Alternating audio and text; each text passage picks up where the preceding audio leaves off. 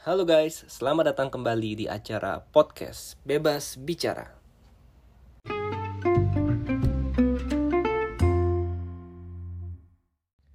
Balik lagi ketemu dengan gue, Papino. Di episode kali ini, gue mau ngebahas tentang top 10 band bersaudara. Ada yang bersaudara secara full, ada yang bersaudara sebagian. Nah, siapa aja mereka? Ada cerita seru apa aja sih di balik itu? Check this out ya. Number 10.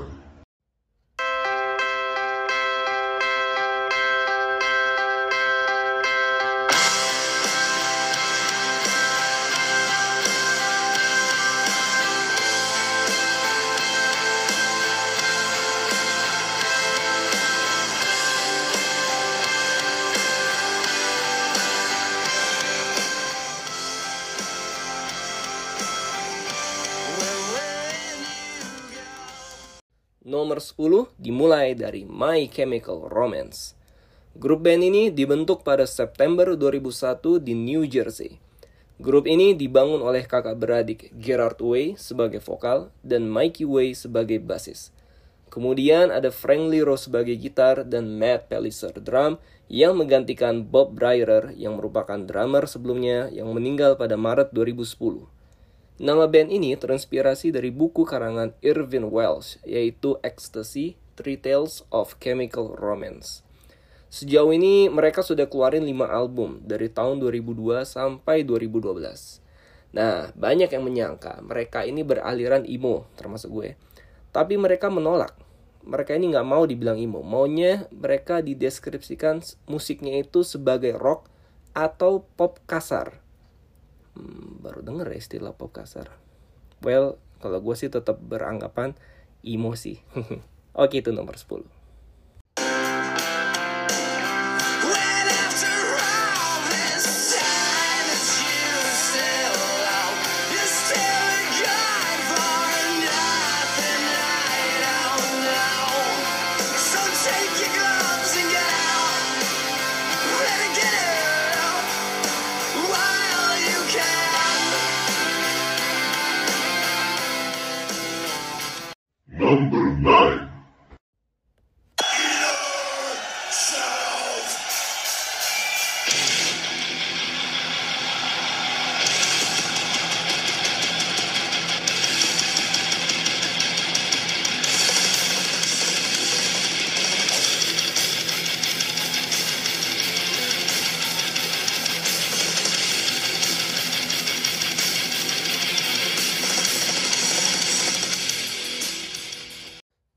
19, Sepultura. Grup musik metal dari Brazil ini dibentuk pada tahun 1984. Grup ini dibuat oleh dua kakak beradik, yaitu sang abang Max Cavalera yang mengisi posisi vokal dan gitar, dan juga sang adik Igor Cavalera yang mengisi posisi drum. Kemudian ada dua personil lagi yaitu Andreas Kisser yang mengisi posisi gitar dan Paulo Junior yang mengisi posisi bass. Single mereka banyak yang keren-keren ya dan yang terkenal. Contohnya ada Arise, ada Dead Embryonic Cells, Desperate Cry, Inner Self, Roads Bloody Roads, Rata Mahatat, Rata Mahata, ribet banget ya, dan lain-lain. Nah, band ini banyak yang bilang beraliran death metal. Apa sih itu death metal? Death metal itu adalah sebuah subgenre dari thrash metal pada awal 1980-an. Nah, kenapa Sepultura masuk kategori death metal? Karena ciri-ciri musiknya mereka itu mirip dengan ciri-ciri musiknya death metal. Yaitu misalnya nada instrumennya menggunakan distorsi berat. Kemudian pada gitarnya menggunakan tuning nada rendah. Terus pada gitar juga biasanya mereka memakai berbagai teknik, yaitu salah satunya ada palm muting dan tremolo picking. Kemudian untuk suara vokalnya juga bertipe deep growling, death growl, dan screams.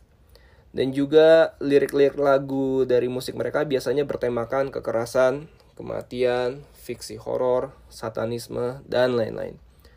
Beberapa contoh lain dari band-band death metal selain Sepultura itu mungkin kalian kenal seperti Venom, Cannibal Corpse, Morbid Angel, dan masih banyak lagi. Itu nomor 9. Oke. Come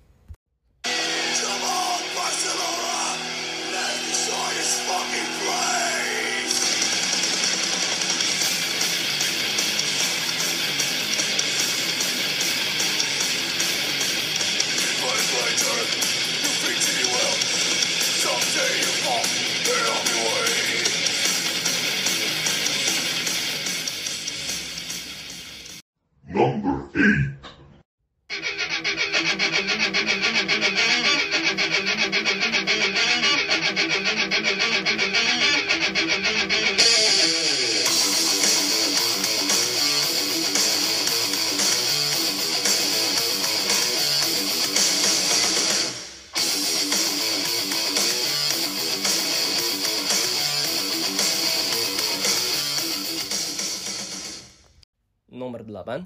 Pantera bukan Pantura. Pantera adalah sebuah band asal Texas yang dibentuk pada tahun 1981. Band ini dibentuk oleh dua kakak beradik, yaitu sang adik Dimebag Darrell sebagai gitaris dan abangnya Vinnie Paul sebagai drummer. Ada yang bilang band ini beraliran heavy metal, tapi ada juga yang bilang band ini beraliran groove metal. Well, kalau gue sih masuk ya dua-duanya. Tapi, yang jelas, band ini dulu pernah beraliran glam rock. Nah, ini fun fact-nya nih. Jadi saat mereka sebelum masuk metal, mereka tuh beraliran glam rock dan sempat mengeluarkan 4 album. Tapi karena albumnya tuh nggak laku, sehingga mereka akhirnya memilih hijrah ke dunia metal. Baru di saat itu mereka menjadi laku dan terkenal. Nah, sepertinya mereka ini trauma ya sama masa lalu gitu. Jadi, empat album mereka saat mereka beraliran glam rock itu semuanya tidak diakui di dalam diskografi albumnya mereka. Jadi mereka hanya mengakui album-album metalnya saja, yang glam rock tidak. Oke, nah untuk hits-hitsnya mereka juga kayaknya kita udah banyak tahu ya, terutama bagi kalian yang penggemar musik metal, yaitu mereka punya banyak hits seperti Cowboys from Hell, ada Domination, Walk, Revolution is My Name, dan masih banyak lagi. Sayangnya, Pantera ini bubar pada tahun 2003. Dan kakak beradik ini buat band baru yang namanya Damage Plane. Tapi tragis banget. Sang gitaris alias sang adik itu akhirnya harus mati karena ditembak oleh fansnya sendiri waktu mereka manggung bareng Damage Plan tahun 2004. Damn tuh tragis banget. Dan ini salah satu kematian tragis di dunia permusikan ya, khususnya di dunia rock dan metal. Jadi cerita tentang penguburan Dimebag Darrell ini juga epic banget. Karena di seremonial penguburannya Dimebag Darrell ini hadir juga musisi-musisi rock metal dan juga idolanya dia yaitu Eddie Van Halen, gitaris Van Halen. Eddie Van Halen datang dengan membawa gitarnya yang terkenal banget yaitu Black with White Stripes yang dipakai dia untuk recording album pertamanya Van Halen. Yang mana itu menjadi sebuah cita-cita anda Dimebag Darrell bahwa dia pernah cerita ke temannya kalau nggak salah Zack Wild bahwa kalau dia suatu saat meninggal dia ingin dikubur dengan gitarnya Van Halen. Sehingga Eddie membawa gitar itu benar-benar gitar yang dipakai untuk recording album Van Halen pertama itu yang disumbangkan Eddie untuk dikubur bersama Dimebag Darrell. Wah, gila, keren banget. Jadi memang itu semacam uh, penghormatan terakhir ya buat Dimebag Darrell dari para musisi rock dan metal lainnya. Karena kita tahu Pantera juga merupakan band besar di dunia metal. Oke, itu nomor 8.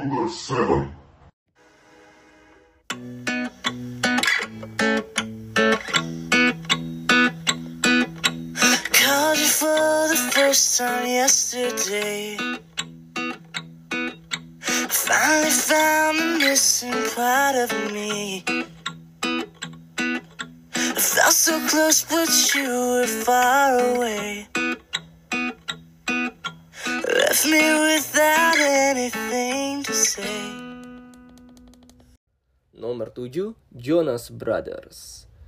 Habis ngomongin Pantera, terus ke Jonas Brothers. Kontras banget ya. But anyway, Jonas Brothers ini band Amerika yang dibentuk pada tahun 2005 oleh tiga bersaudara, yaitu Kevin Jonas, Joe Jonas, dan Nick Jonas. Awalnya mereka ngetop karena sering tampil di acara Disney Channel. Jadi mereka memang jebolan Disney ya. Sejauh ini mereka udah ngeluarin 5 album. Aliran musik mereka pun juga beragam ya. Ada yang bilang rock, ada yang bilang pop rock, sampai ada yang bilang power pop. mungkin cocok power pop kali ya. Nah, mereka tuh juga punya segudang prestasi ya. Salah satu prestasi mereka itu adalah pernah masuk nominasi Best New Artist di acara Grammy Awards yang ke-51 pada tahun 2008. Dan mereka juga pernah menang di acara American Music Awards sebagai Breakthrough Artist, yaitu di tahun 2009. Dan mereka juga punya prestasi di luar musik loh, yaitu mereka punya foundation. Nama foundationnya yaitu Change for the Children Foundation mereka ini ngedonasiin 10% dari pemasukan mereka ke foundation ini. Wow, cukup generous ya. Patut dicontoh tuh, keren-keren. Oke, itu nomor 7. I think about your eyes all the time. Beautiful, but you don't even try. You don't even, don't even try. Modesty is just so hard to find. Now I'm speechless, over the edge, I'm just breathless. I never thought that I'd catch this love bug again. Number 6.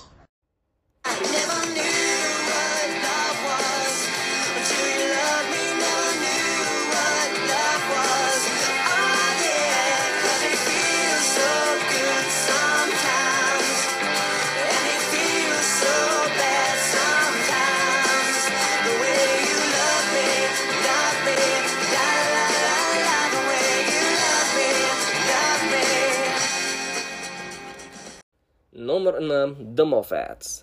The Moffats adalah sebuah grup musik asal Kanada yang terdiri dari empat bersaudara. Tiganya kembar, satunya enggak.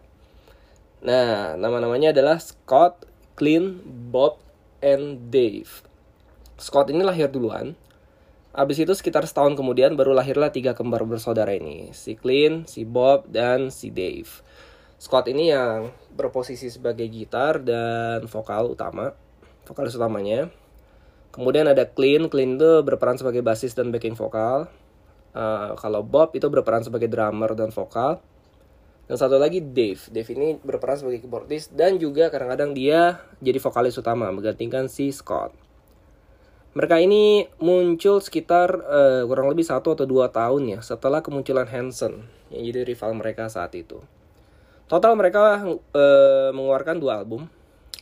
Yang pertama itu tahun 1998. Ini hits banget albumnya, yaitu albumnya berjudul Chapter One: A New Beginning. Banyak banget hits di album ini yang tentunya kalian sudah familiar ya, apalagi terutama kaum hawa teenager pada masa itu. Hitsnya pasti udah pada kenal seperti I'll Be There For You, Miss You Like Crazy, Girl of My Dreams, ada Until You Love Me yang kita dengerin intronya tadi, dan masih banyak lagi. Kemudian, kemudian di tahun 2000, mereka keluarin album kedua, yaitu Submodalities. Uniknya, di album ini, mereka kepengen terlihat lebih dewasa. Jadi kalau kayak dua tahun lalu mereka dianggap semi-semi boy band gitu ya, padahal enggak juga gitu. Tapi di tahun 2000 ini mereka pengen nunjukin bahwa kita lebih ngerok loh gitu. Nah, terbukti lagu-lagunya memang lebih dewasa sih dan lebih ngerok dibanding album pertama. Dan pas juga di album kedua ini yang ngeproduserin albumnya itu si Bob Rock. Kalau kalian yang udah paham siapa Bob Rock ini, Bob Rock ini adalah produser eh, album dari Metallica dan Bon Jovi.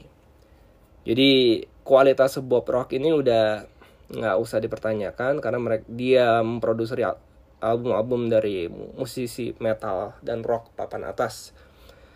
Dan eh tapi ya bingung juga ya. Ini nggak salah apa gimana nih Bob Rock nih? Lagi sepi job apa gimana tiba-tiba produserin Moffat?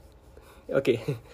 Tapi album kedua ini eh, nggak semeledak kayak album pertama ya. Terbukti memang pasarnya mereka memang lebih eh, lebih suka sama album pertama mereka mungkin lagu-lagunya lebih catchy, lebih easy listening, lebih gampang dinyanyiin. Dan somehow lebih mereka aja gitu ketimbang album kedua ini. Tapi ya cukup oke lah album kedua ini. Oke itu nomor 6 The Moffats.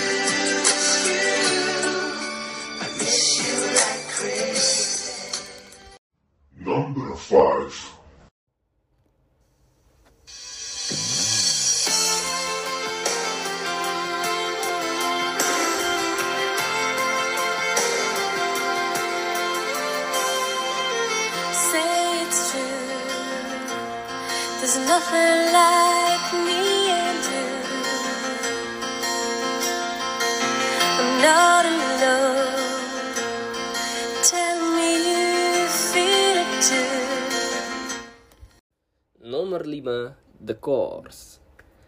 Kalau dengar nama band ini langsung kebayang gak sih muka vokalis ya? Hmm. The Course ini eh, adalah sebuah band ya di akhir 90-an. Alirannya folk rock. Mereka berasal dari Irlandia. Nah, band ini terdiri dari empat orang bersaudara, yaitu tiga perempuan dan juga satu laki-laki. Yang pertama eh, mungkin udah pada kenal, yaitu namanya Andrea. Andrea ini sebagai vokalis utamanya ya. Kebetulan Andrea ini juga yang paling diidolakan oleh kaum Adam di zamannya. Karena cantik, suaranya bagus, penampilannya menarik, gitu-gitu. Kemudian ada kakak juga yang namanya Sharon.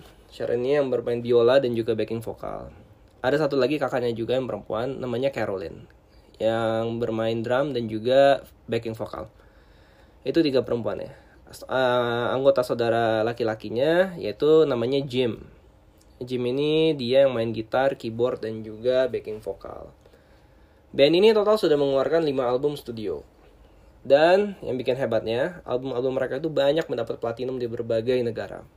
Yang paling sukses itu albumnya berjudul Talk on Corners. Nah, album ini mendapatkan multi platinum di Australia maupun di Inggris. Wow, cool. Oke, itu nomor 5, The Course. I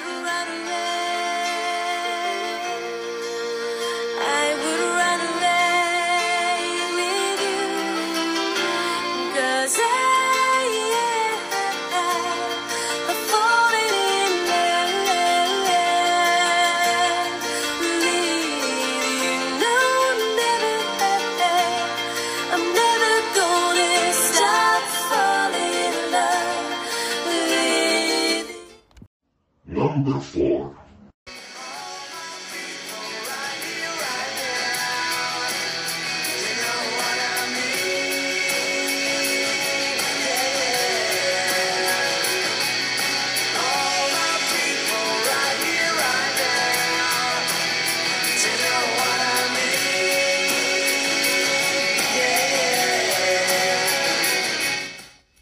Nomor 4, Oasis.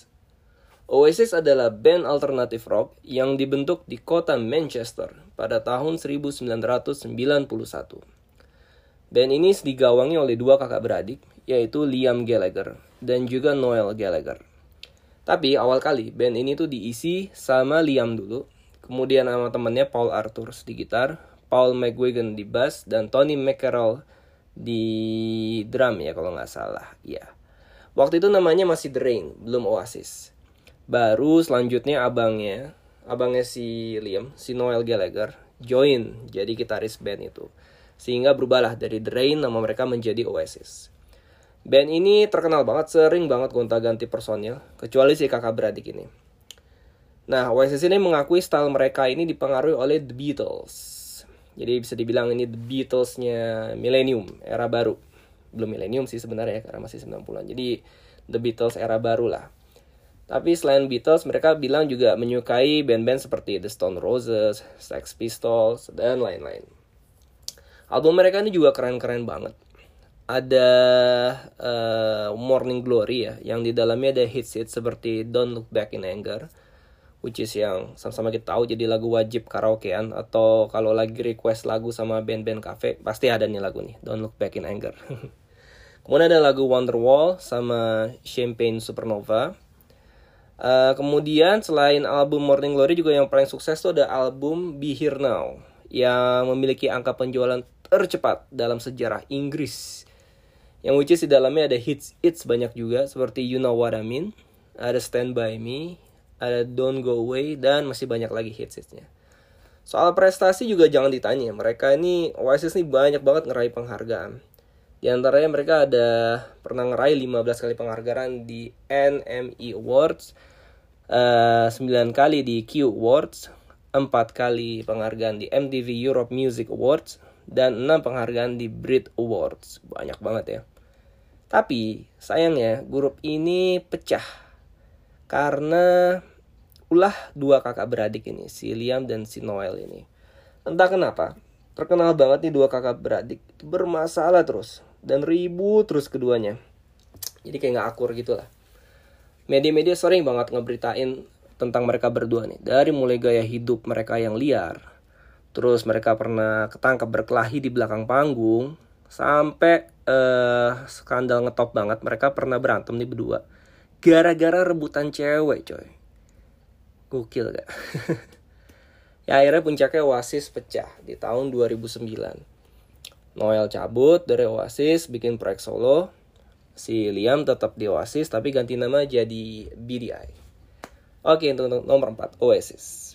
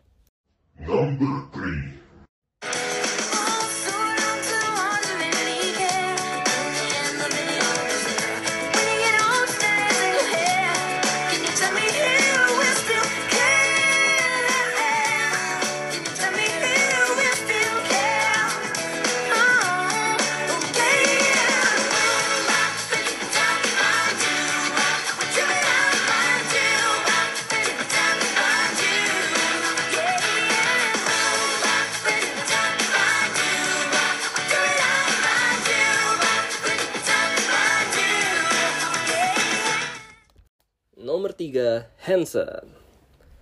Hanson merupakan sebuah band yang terdiri dari tiga bersaudara, yaitu Isaac Hanson yang bermain gitar dan juga vokal. Nomor 2 ada Taylor Hanson yang bermain keyboard dan vokal. Dan si bungsu Zack Hanson yang bermain drum dan juga vokal. Band ini pertama kali dibentuk tahun 1992 di Tulsa, Oklahoma, yaitu tempat kotanya mereka. Mereka total sudah mengeluarkan 7 album studio dan juga satu album live. Yang paling terkenal, tentu saja kita sama-sama tahu yaitu albumnya yang Middle of Nowhere yang dikeluarkan pada tahun 1997. Dan selain itu ada juga album mereka yang sangat terkenal yaitu di tahun 2000 yang berjudul This Time Around. Nah, untuk album yang pertama siapa sih yang nggak kenal lagu Mbap ya? Sampai-sampai eh, zaman dulu tuh gue inget banget di beberapa sekolah lagu Mbap ini sampai dijadiin lagu senam kesehatan jasmani guys. Gokil nggak? Jadi senam semuanya pakai lagu Mbap. Ya, emang jadi semangat sih, emang keren lagunya. Dan juga gue juga pernah juga saksi mata gue sendiri pernah denger lagu Mbap ini pun dinyanyiin tuh hampir semua profesi. Dari mulai anak sekolah, orang kantoran, sampai pedagang mie ayam pun pada nyanyi Mbap. Hafal loh mereka nyanyi Mbap ini, hebat. Saking viralnya lagu ini. Padahal zaman dulu belum ada sosial media. Masih zaman dengerin radio, yang sesekali diputar, kadang enggak. Yang kita berharap kalau dengerin radio lagu ini diputar. Kayak gitu aja lagunya udah viral banget gimana dia muncul pada saat era sosmed ya. Mungkin, wah lebih gila lagi mungkin suruh TikTok pakai lagu Mbap kali mungkin. Nah, makanya nggak heran, album Middle of Nowhere ini jadi album tersuksesnya mereka. Karena mereka berhasil menjual 10 juta kopi album ini di seluruh dunia. Selain Mbap, banyak lagu-lagu hits mereka yang di album ini. Contohnya ada Where's the Love, ada I Will Come to You, ada Lucy, dan lain-lain. Grup ini sempat vakum. Nah, ini bagus ya nih. Grup ini, ini sempat vakum ya, lama gitu. Eh, sempat bertanya-tanya kenapa mereka vakum. Ternyata karena anggotanya, kakak beradik ini, mereka mau menyelesaikan pendidikan mereka. Hebat ya. Padahal waktu itu karirnya lagi moncar-moncarnya. Tapi mereka nggak lupa untuk menyelesaikan prioritas utama mereka, yaitu pendidikan. Nah, kayaknya anak-anak muda sekarang, atau teenager- teenager-teenager sekarang, kayaknya bagus deh kalau eh, mereka kenal Hanson ini, dengerin lagu-lagunya. Karena ya ini idolanya teenager zaman dulu sih ya tapi lagunya menurut gue sih masih enak banget untuk didengar even di zaman sekarang gitu nah saking ngetopnya Hanson ini di Oklahoma Sampai-sampai gubernur gubernur Tulsa itu menetapkan tanggal 6 Mei. Tanggal 6 Mei itu tanggal rilis album mereka ya, yang Middle of Nowhere. Itu ditetapkan sebagai Hanson Day. Gokil nggak tuh? Prestasi banget ya istilahnya. Ibaratnya lu punya eh karya saking ngetopnya, saking hebatnya, saking viralnya, saking bawa dampak gitu ya. Tentu ada dampak positif. Sampai-sampai gubernur lo, misal lo tinggal Jakarta, nih gubernur Jakarta itu menetapkan hari tanggal karya lo beredar itu sebagai hari lo guys gitu. Hari lo dan keluarga lo yang dalam satu band itu gitu. Top, keren. Hanson nomor 3.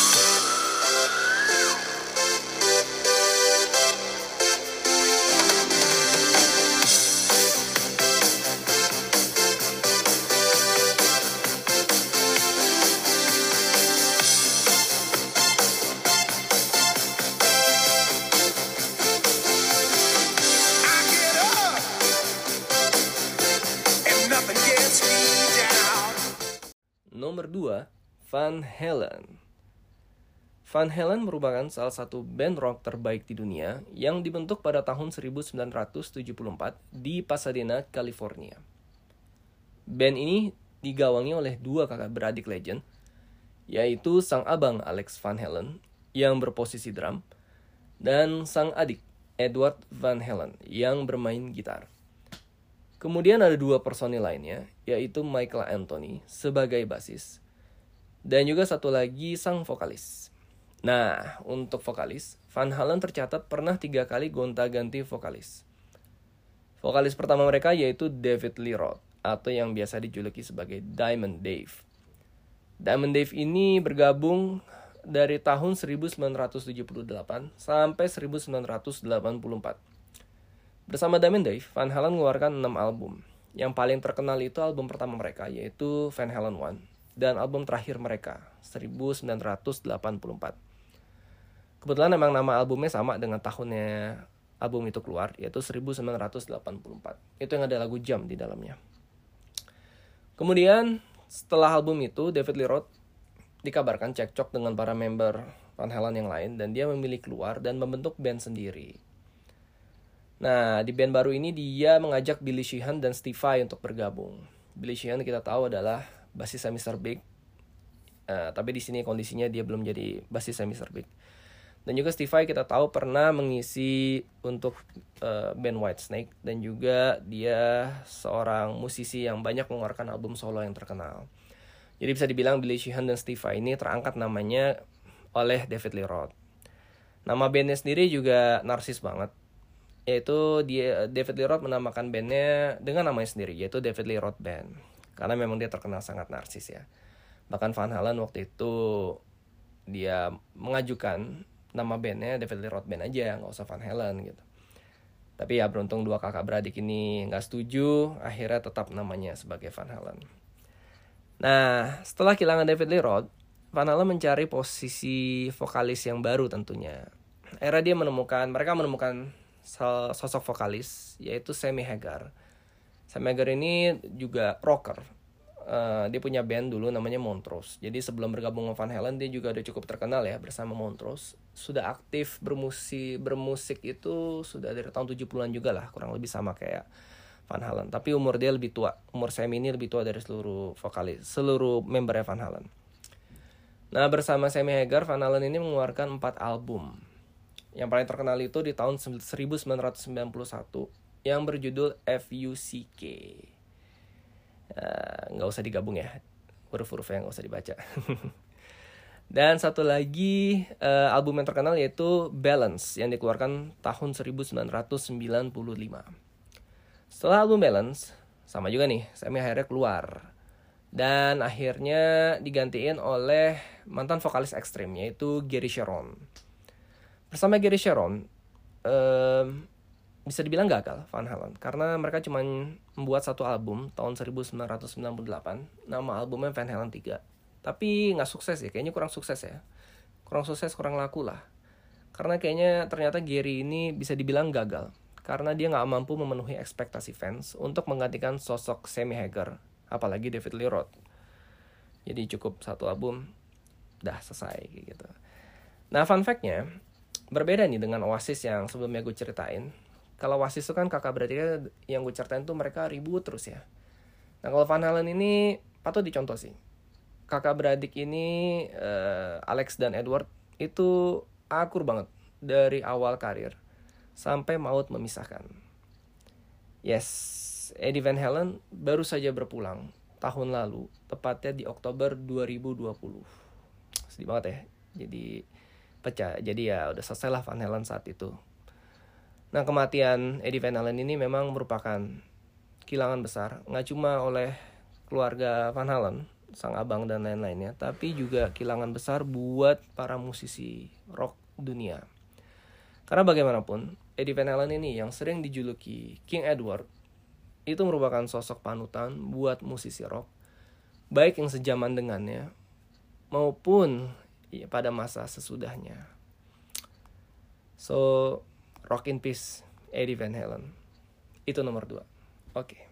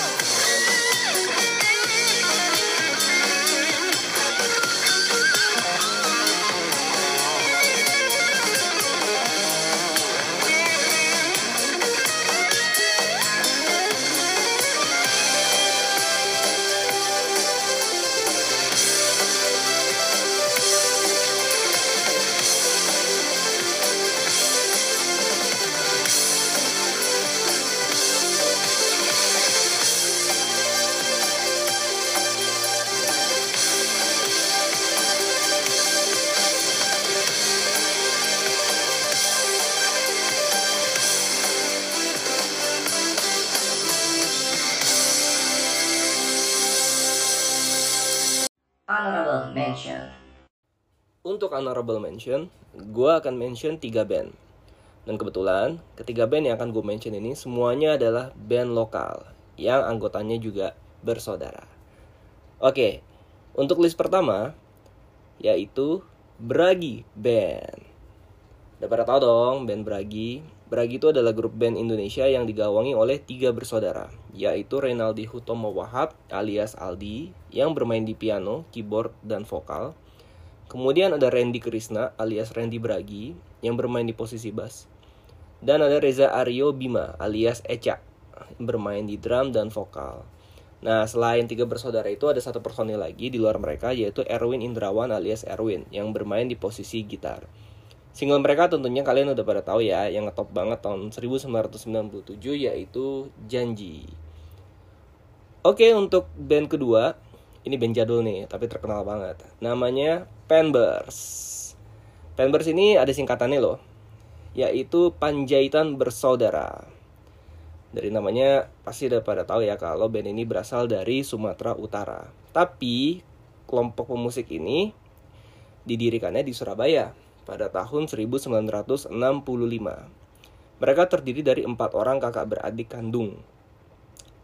Eh, masing-masing itu ada Hans Panjaitan pada lead gitar, ada Benny Panjaitan sebagai vokalis dan rhythm gitar, ada Doan Panjaitan pada bass dan keyboard, serta ada Asido Panjaitan pada drum. Band ini pun sempat menjadi ikon pop di Indonesia pada tahun 70-an. Dan list terakhir dari Honorable Mention ini, mungkin ini adalah band yang paling ngetop ya, band bersaudara yang paling ngetop di Indonesia. Jadul juga. Ayo kira-kira siapa? Udah pasti bisa tebak lah ya. Yes. Mereka adalah Kus Plus. Kus Plus merupakan band legend dan ikonnya pop dan rock and roll Indonesia di tahun 70-an. Formasinya terdiri dari Tony Kuswoyo, ada Yon Kuswoyo, Yok Kuswoyo, dan Muri. Mereka ini mungkin seperti The Beatles Indonesia ya, tapi bersaudara gitu. Dulu namanya sebelum Kus Plus ini namanya Kus Bersaudara.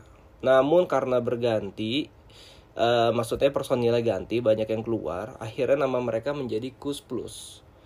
Dan tentunya kalian masih pada inget dong tembang-tembang lawasnya mereka seperti Bujangan, Buat Apa Susah, Kisah Sedih di Hari Minggu, Manis dan Sayang, dan masih banyak lagi. Banyak banget hits dari mereka ini. Oke, itu list dari honorable mentionnya. Dan sekarang kita masuk ke posisi satu. Number one.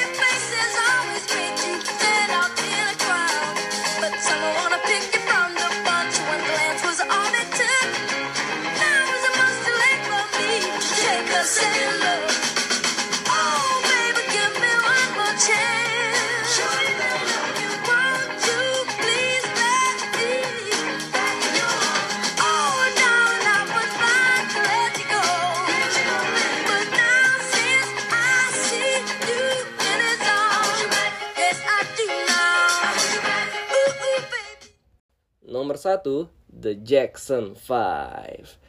Oke, The Jackson 5 adalah list nomor satu dari kategori ini. Mereka adalah kelompok penyanyi bersaudara yang berasal dari Gary, Indiana. Digawangi enam bersaudara, ramai juga ya. Ada Jackie Jackson, Tito Jackson, Jermaine Jackson, Marlon Jackson, Michael Jackson, dan Randy Jackson.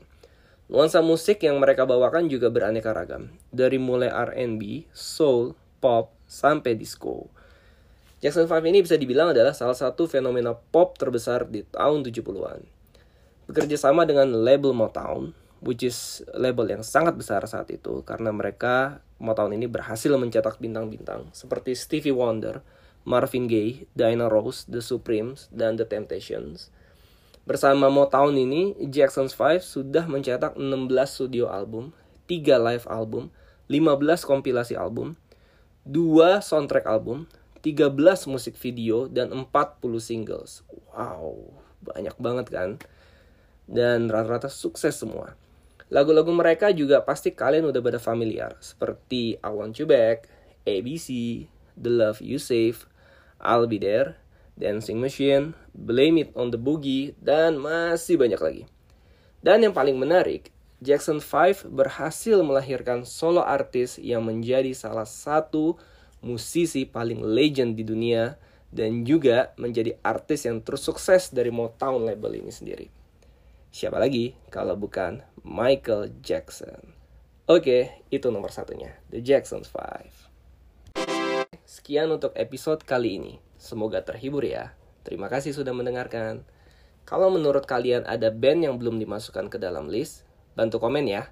Kalian bisa kirim gue voice note via Anchor atau tulisan ke email podcast ini, yaitu bebasbicara at gmail.com. Bebasnya pakai Z ya. So, gue pamit and see you on next episode. Bye.